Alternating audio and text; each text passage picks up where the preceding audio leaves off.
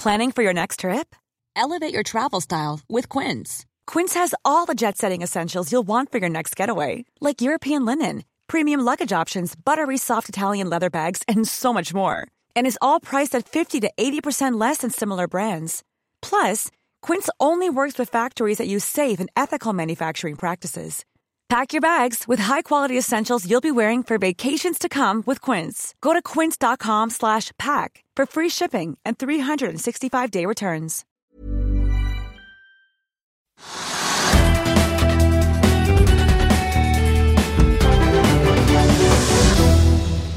Velkommen til Økonominyhetene. I dag skal vi ha teknisk analyse av Grieg Seafood, men vi skal først begynne på Oslo Børs, der hovedindeksen er ned eh, rundt 0,4% og har falt ca. 2,5% den seneste uken.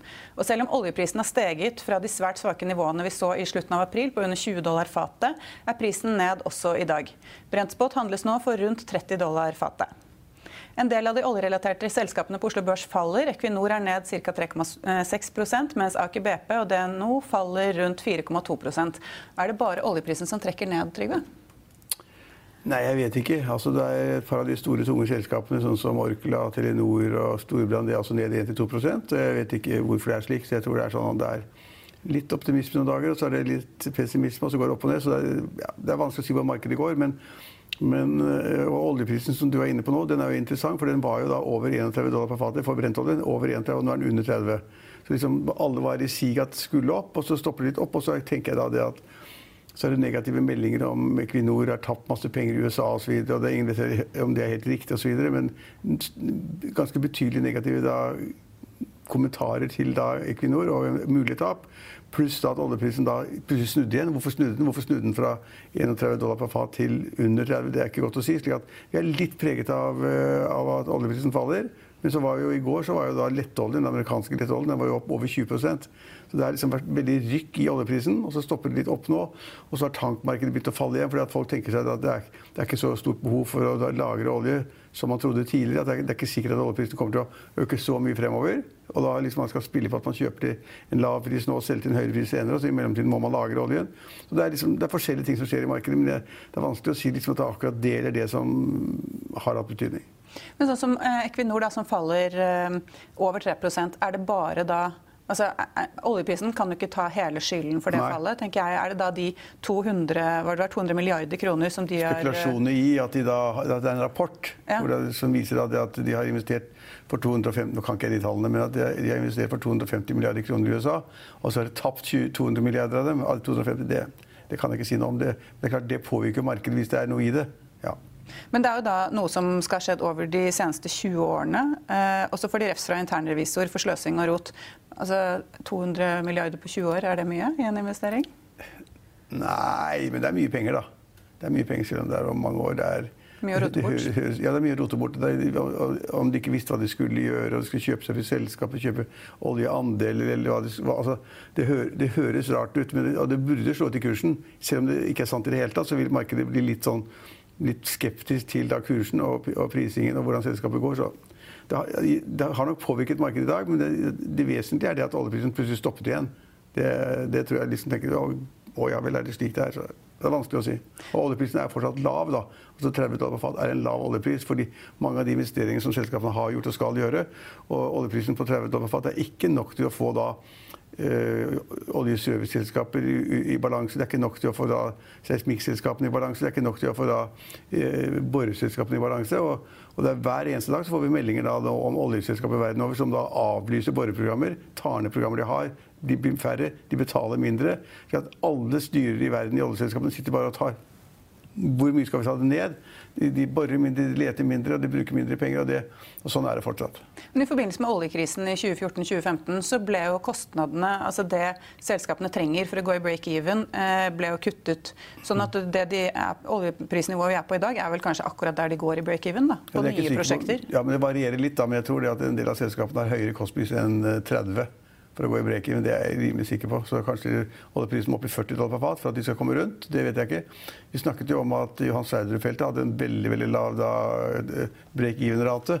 For det er helt nytt. Alt er det beste utstyret og det riktigste utstyret. Og kjøpte inn da til lavere priser etter oljekrisen. Så ja, jeg vet ikke. Men sånn som Aker BP de la jo frem da, tall for første kvartal som viste et resultat før skatt på minus 4,3 milliarder. Eh, og det var da ventet et underskudd på rundt 3,5 milliarder. Det er jo ikke overraskende at det går dårligere? Nei, det hele poenget er at det er ikke overraskende i det hele tatt. For det er lavere gass- og oljepriser. Det drar jo da omsetningen ned på topplinjen. Og så har de da avskrevet en rekke investeringer eh, som da Jeg husker ikke om det var 4 milliarder eller 5 milliarder kroner. Som er nedskrevet da i, i balansen. Det er negativt. Og så da, når de da ser da det at vi, vi, har sett, du har sett, jeg har sett, alle har sett det at oljeprisen har vært lav, gassprisen har vært lav, da vet vi at topplinjen blir lavere og dårligere.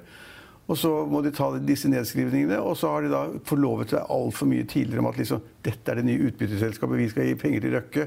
Ja, hos oss skal han få penger hele tiden, og vi skal liksom gi ut en milliard dollar i år i utbytte i årevis. Og det kan ikke holde. Så nå går de tilbake på det, og så gjør de bestemt at de skal da betale utbytte, men mye lavere. Det, er, det er noe som skjer i hele, oljeindustrien. At folk må tenke seg om. De må nedtrappe. og de må, Hadde de lovet masse utbytte før, så får de ikke nå. Så den som da i Aker BPs tilfelle, som da uh, lider mest, det er jo Kjell Inge Røkke, som da har masse storprosjekter, yachter og forskning og alt som måtte være, eller andre ting.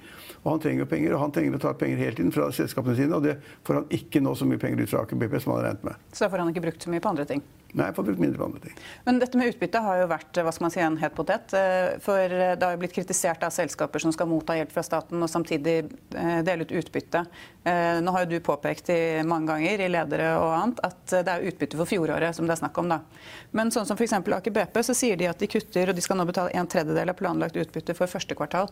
Men hva har det, nå har det åpenbart noe å si for Røkke, men hva har det å si for investeringslysten, tror du, for altså de som er aksje, i aksjemarkedet? da? Ja, At de får mindre utbytte? Nei, altså Får de da mindre lyst til å kjøpe den aksjen? siden det på en måte er... Ja, altså det, det er blitt en sånn uh, filosofi i Norge det at utbytte utbetaling er bra. Mange har planlagt det. De bruker det til å leve for, de bruker det til å investere for, det er sparing osv. Og, og selv om man blir jo da, i teorien da, så blir man ikke rike. Altså Hvis du har en aksje til 100 kroner, og så får du 1 krone ut, da har du verdien 100 kroner, så får du en, får et utbytte på 1 krone. Da har du en aksje til 99 kroner og 1 krone utbytte. Du, du blir ikke rikere eller fattigere av det. Eh, men, men, det er liksom dynamikken i det at når du har fått utbytte, så glemmer du at du har fått det, og så skal kursen stige til de gamle nivåene osv. Eh, så utbytte betyr noe i de fleste selskaper i Norge. og hvis de da kutter, og Også i USA er det veldig, altså hvis du kutter, plutselig kutter utbytte i Amerika mot da estimatene fra analytikerne, så går kursen rett ned. Det er litt av det samme som har kommet til Norge. at Hvis du ikke gjennomfører den utbytteprogrammet du har, så går kursene ned, og folk investerer mindre i det selskapet.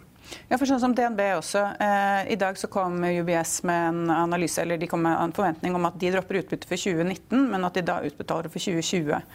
Eh, hva har det å si for DNB? DNB har vi også snakket mye om før, for de hadde jo da planer om å betale ganske mye utbytte for 2019. Ja, men så kom de med kjempedårlige tall, eller kjempestore avsetninger, da, så mm. det ble ikke så bra som ventet.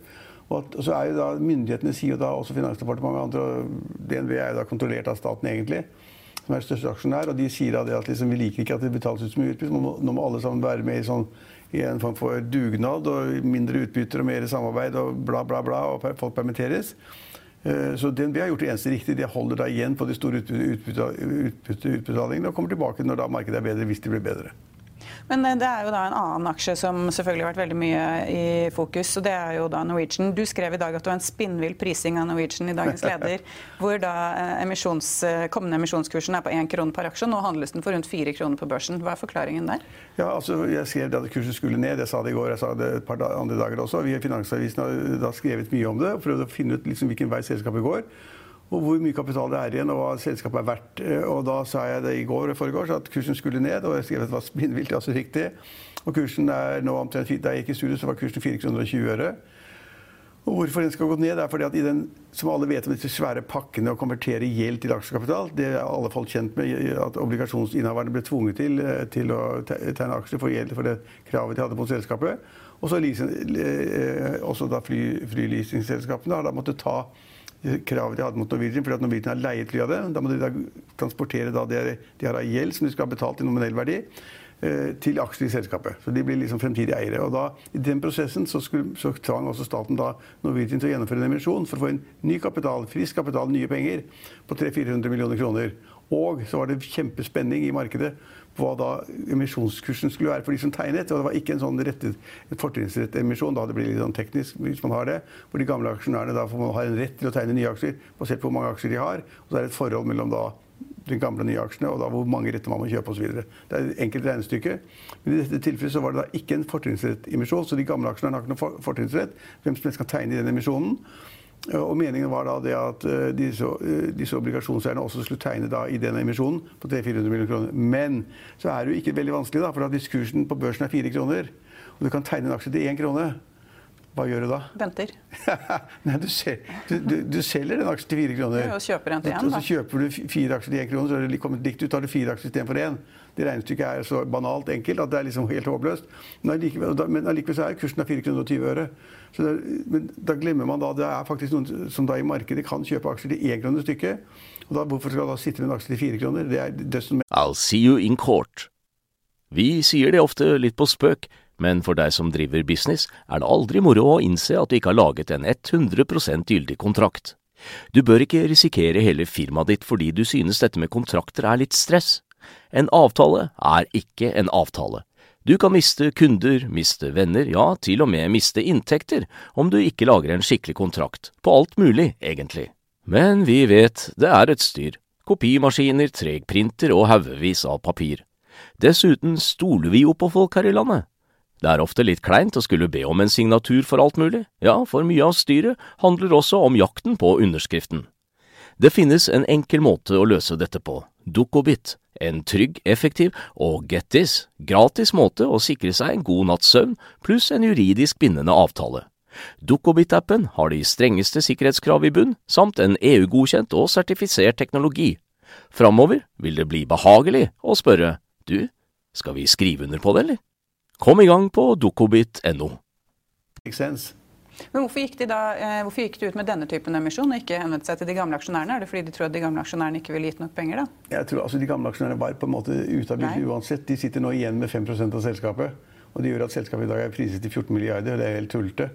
Uh, absolutt helt tullete. Uh, og så blir de pålagt av departementet å komme med frisk kapital, og så laget en emisjon.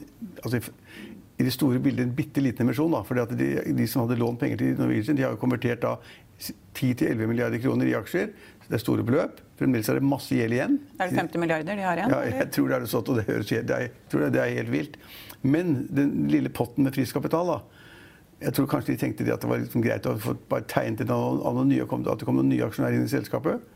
Uh, og det er fint. Og da, hvis de som, de som, da blir tildelt aksjer, de som får da, de, de, de, aksjene i fanget, de får de aksjene, betaler bare én krone aksjen. Uh, og så sitter det fremdeles noen rundt om i Norge i dag som, da sitter med Norwegian-aksjer som da er priset til fire kroner. Og de burde jo fort som F selge de til fire kroner. Og hvis mulig tegne det til én krone. Da er, det fire ganger, fire ganger så mange aksjer. Men er det smart å tegne seg til én krone og bli Norwegian-aksjonær? Nei, jeg tror ikke det. jeg ville ikke gjort det. Uh, fordi usikkerheten er for store. Og fordi da, hvis de kommer igjennom sommeren og høsten, og hvis de skal drive da selskapet med syv, syv, fly, det er det de sier, ute langt inn i 2021, eh, så tror jeg ikke at selv den lille virksomheten Det blir en minimal virksomhet i forhold til det de har hatt. Før, øh, før krisen nå, så, da, så, hadde de 150 fly eller noe sånt. Da. Og de, på et eller annet tidspunkt det har jeg sagt mange ganger, så bestilte de 222 fly. Og nå skal de operere syv. Det, det blir ikke noe business ut av. Og hvis da på en måte pengene renner ut, i sommer og i høst, eh, så må de sannsynligvis da veldig tidlig i 2021 ha en ny emisjon for å få inn mer penger. Hvis ikke de da går til staten og ber staten om å gi enda mer penger, og staten skal da hjelpe dem med 2,7 milliarder kroner. Så det ligger jo kortene, syns jeg, da, at i senhøstet 2020 og i begynnelsen av 2021 så må de hente mer penger. Og da for å få solgt de aksjene i markedet, så må de sette da, eh, tegningskursen enda lavere. ikke sant? Så er, de gamle aksjonærene blir helt borte. Så det er ikke noe vits å gjøre.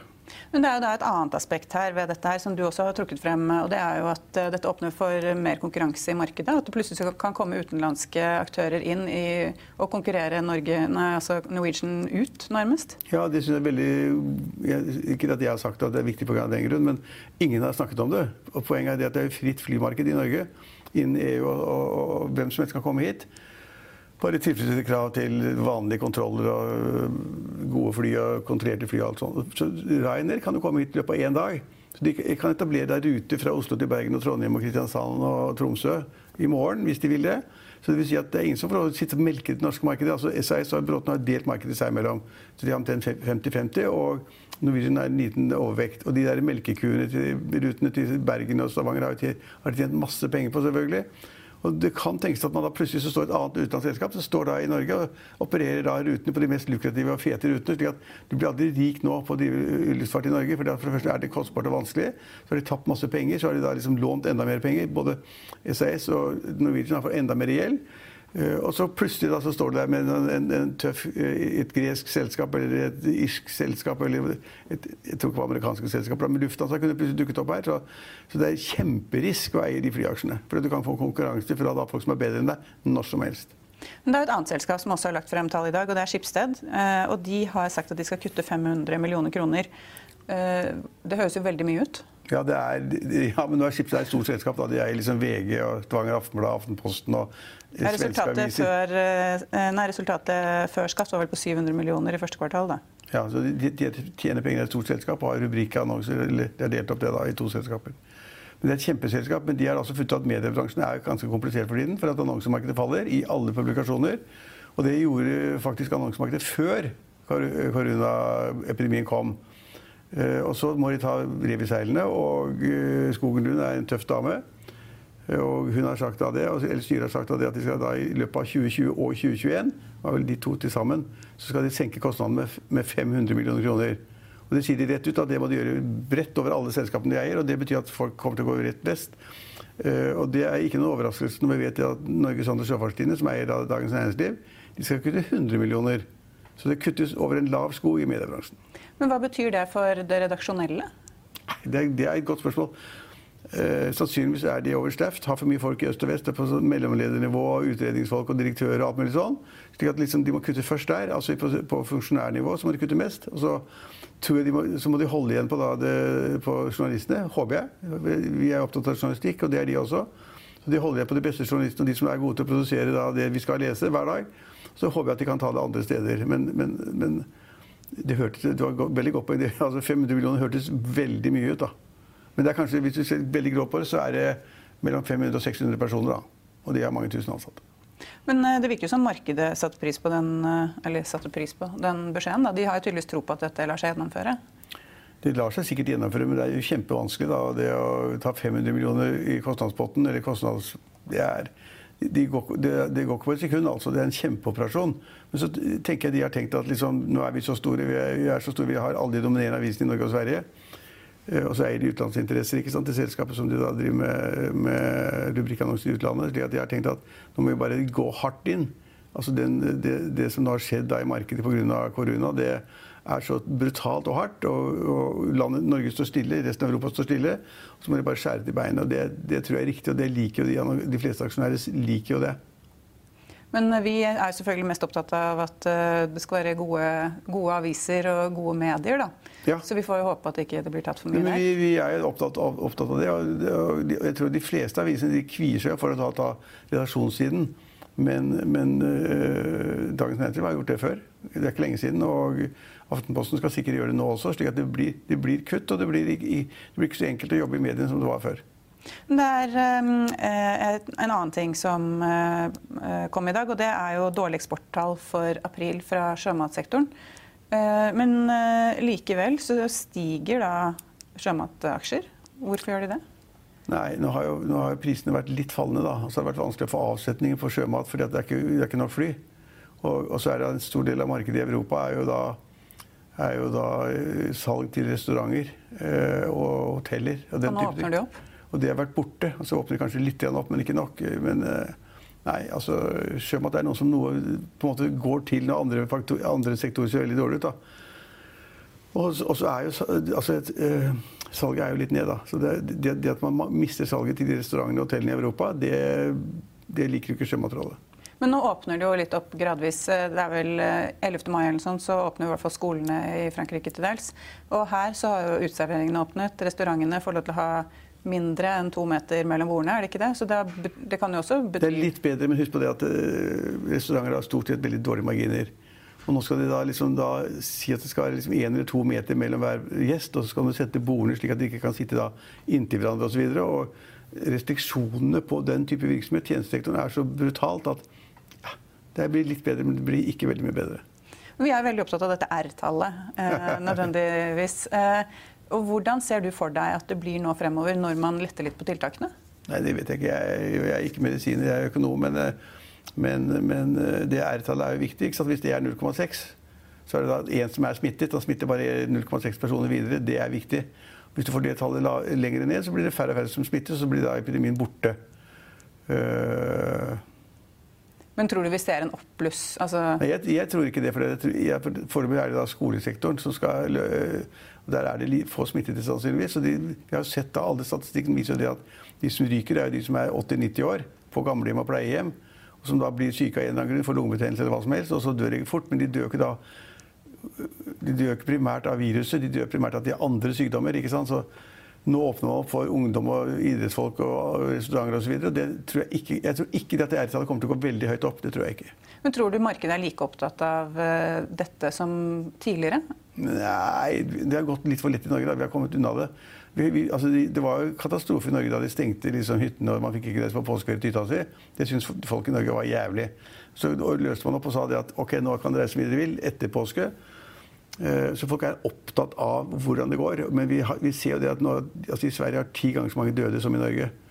Og vi har liksom, er det 200 døde, og Sverige har 2000 eller sånn nå. ikke sant? Og det er nesten ingen som ligger inne på sykehus lenger. Det er nesten ingen som ligger i respirator. Noen titalls. Så vi er kommet veldig billig fra det. Og da kommer da våre myndigheter til å passe, passe på som smeder. For at Hvis det viser at, at, det at man løser opp litt her og der, at det plutselig skulle medføre da at denne R blir høyere, eller at det er flere som blir smittet og flere som dør, så vil man gjøre noe med det umiddelbart. Så får vi bare se hvordan markedet eventuelt reagerer på dette her fremover. Men du, Før vi slutter, Linn. Det var bare altså bør at vi bør følge de amerikanske børsene. De åpner litt opp i dag, og det er positivt. Ja. Men Det kom kjempedårlige ledighetstall. Men det kom altså, altså, nå kom det tall fra ledigheten. Det visste vi var dårlig. Det har liksom vært tre millioner flere som har søkt ledighetstrygd hver uke. Og seks millioner og fem millioner vanvittig høye tall. Og nå kom det da beskjed om det var siste jeg tallet fra Eike Studio, og jeg så da det at det er 20 millioner mennesker som ble arbeidsløse i april. 20 millioner mennesker, og de har ikke bare sikkerhetsnett. Og de har, ikke, de har dårlig råd i utgangspunktet til mange av dem.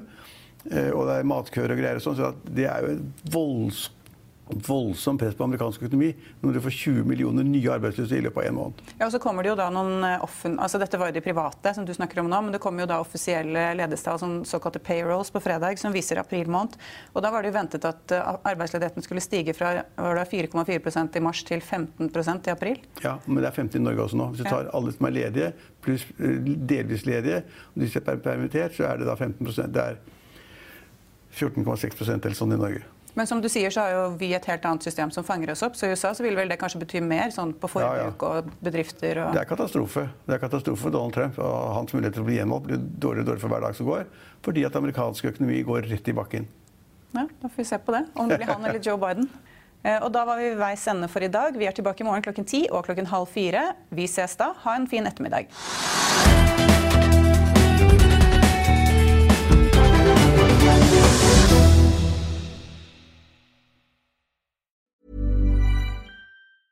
Planning for your next trip?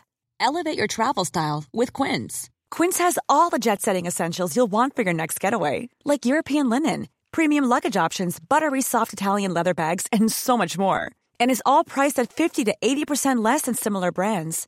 Plus, Quince only works with factories that use safe and ethical manufacturing practices.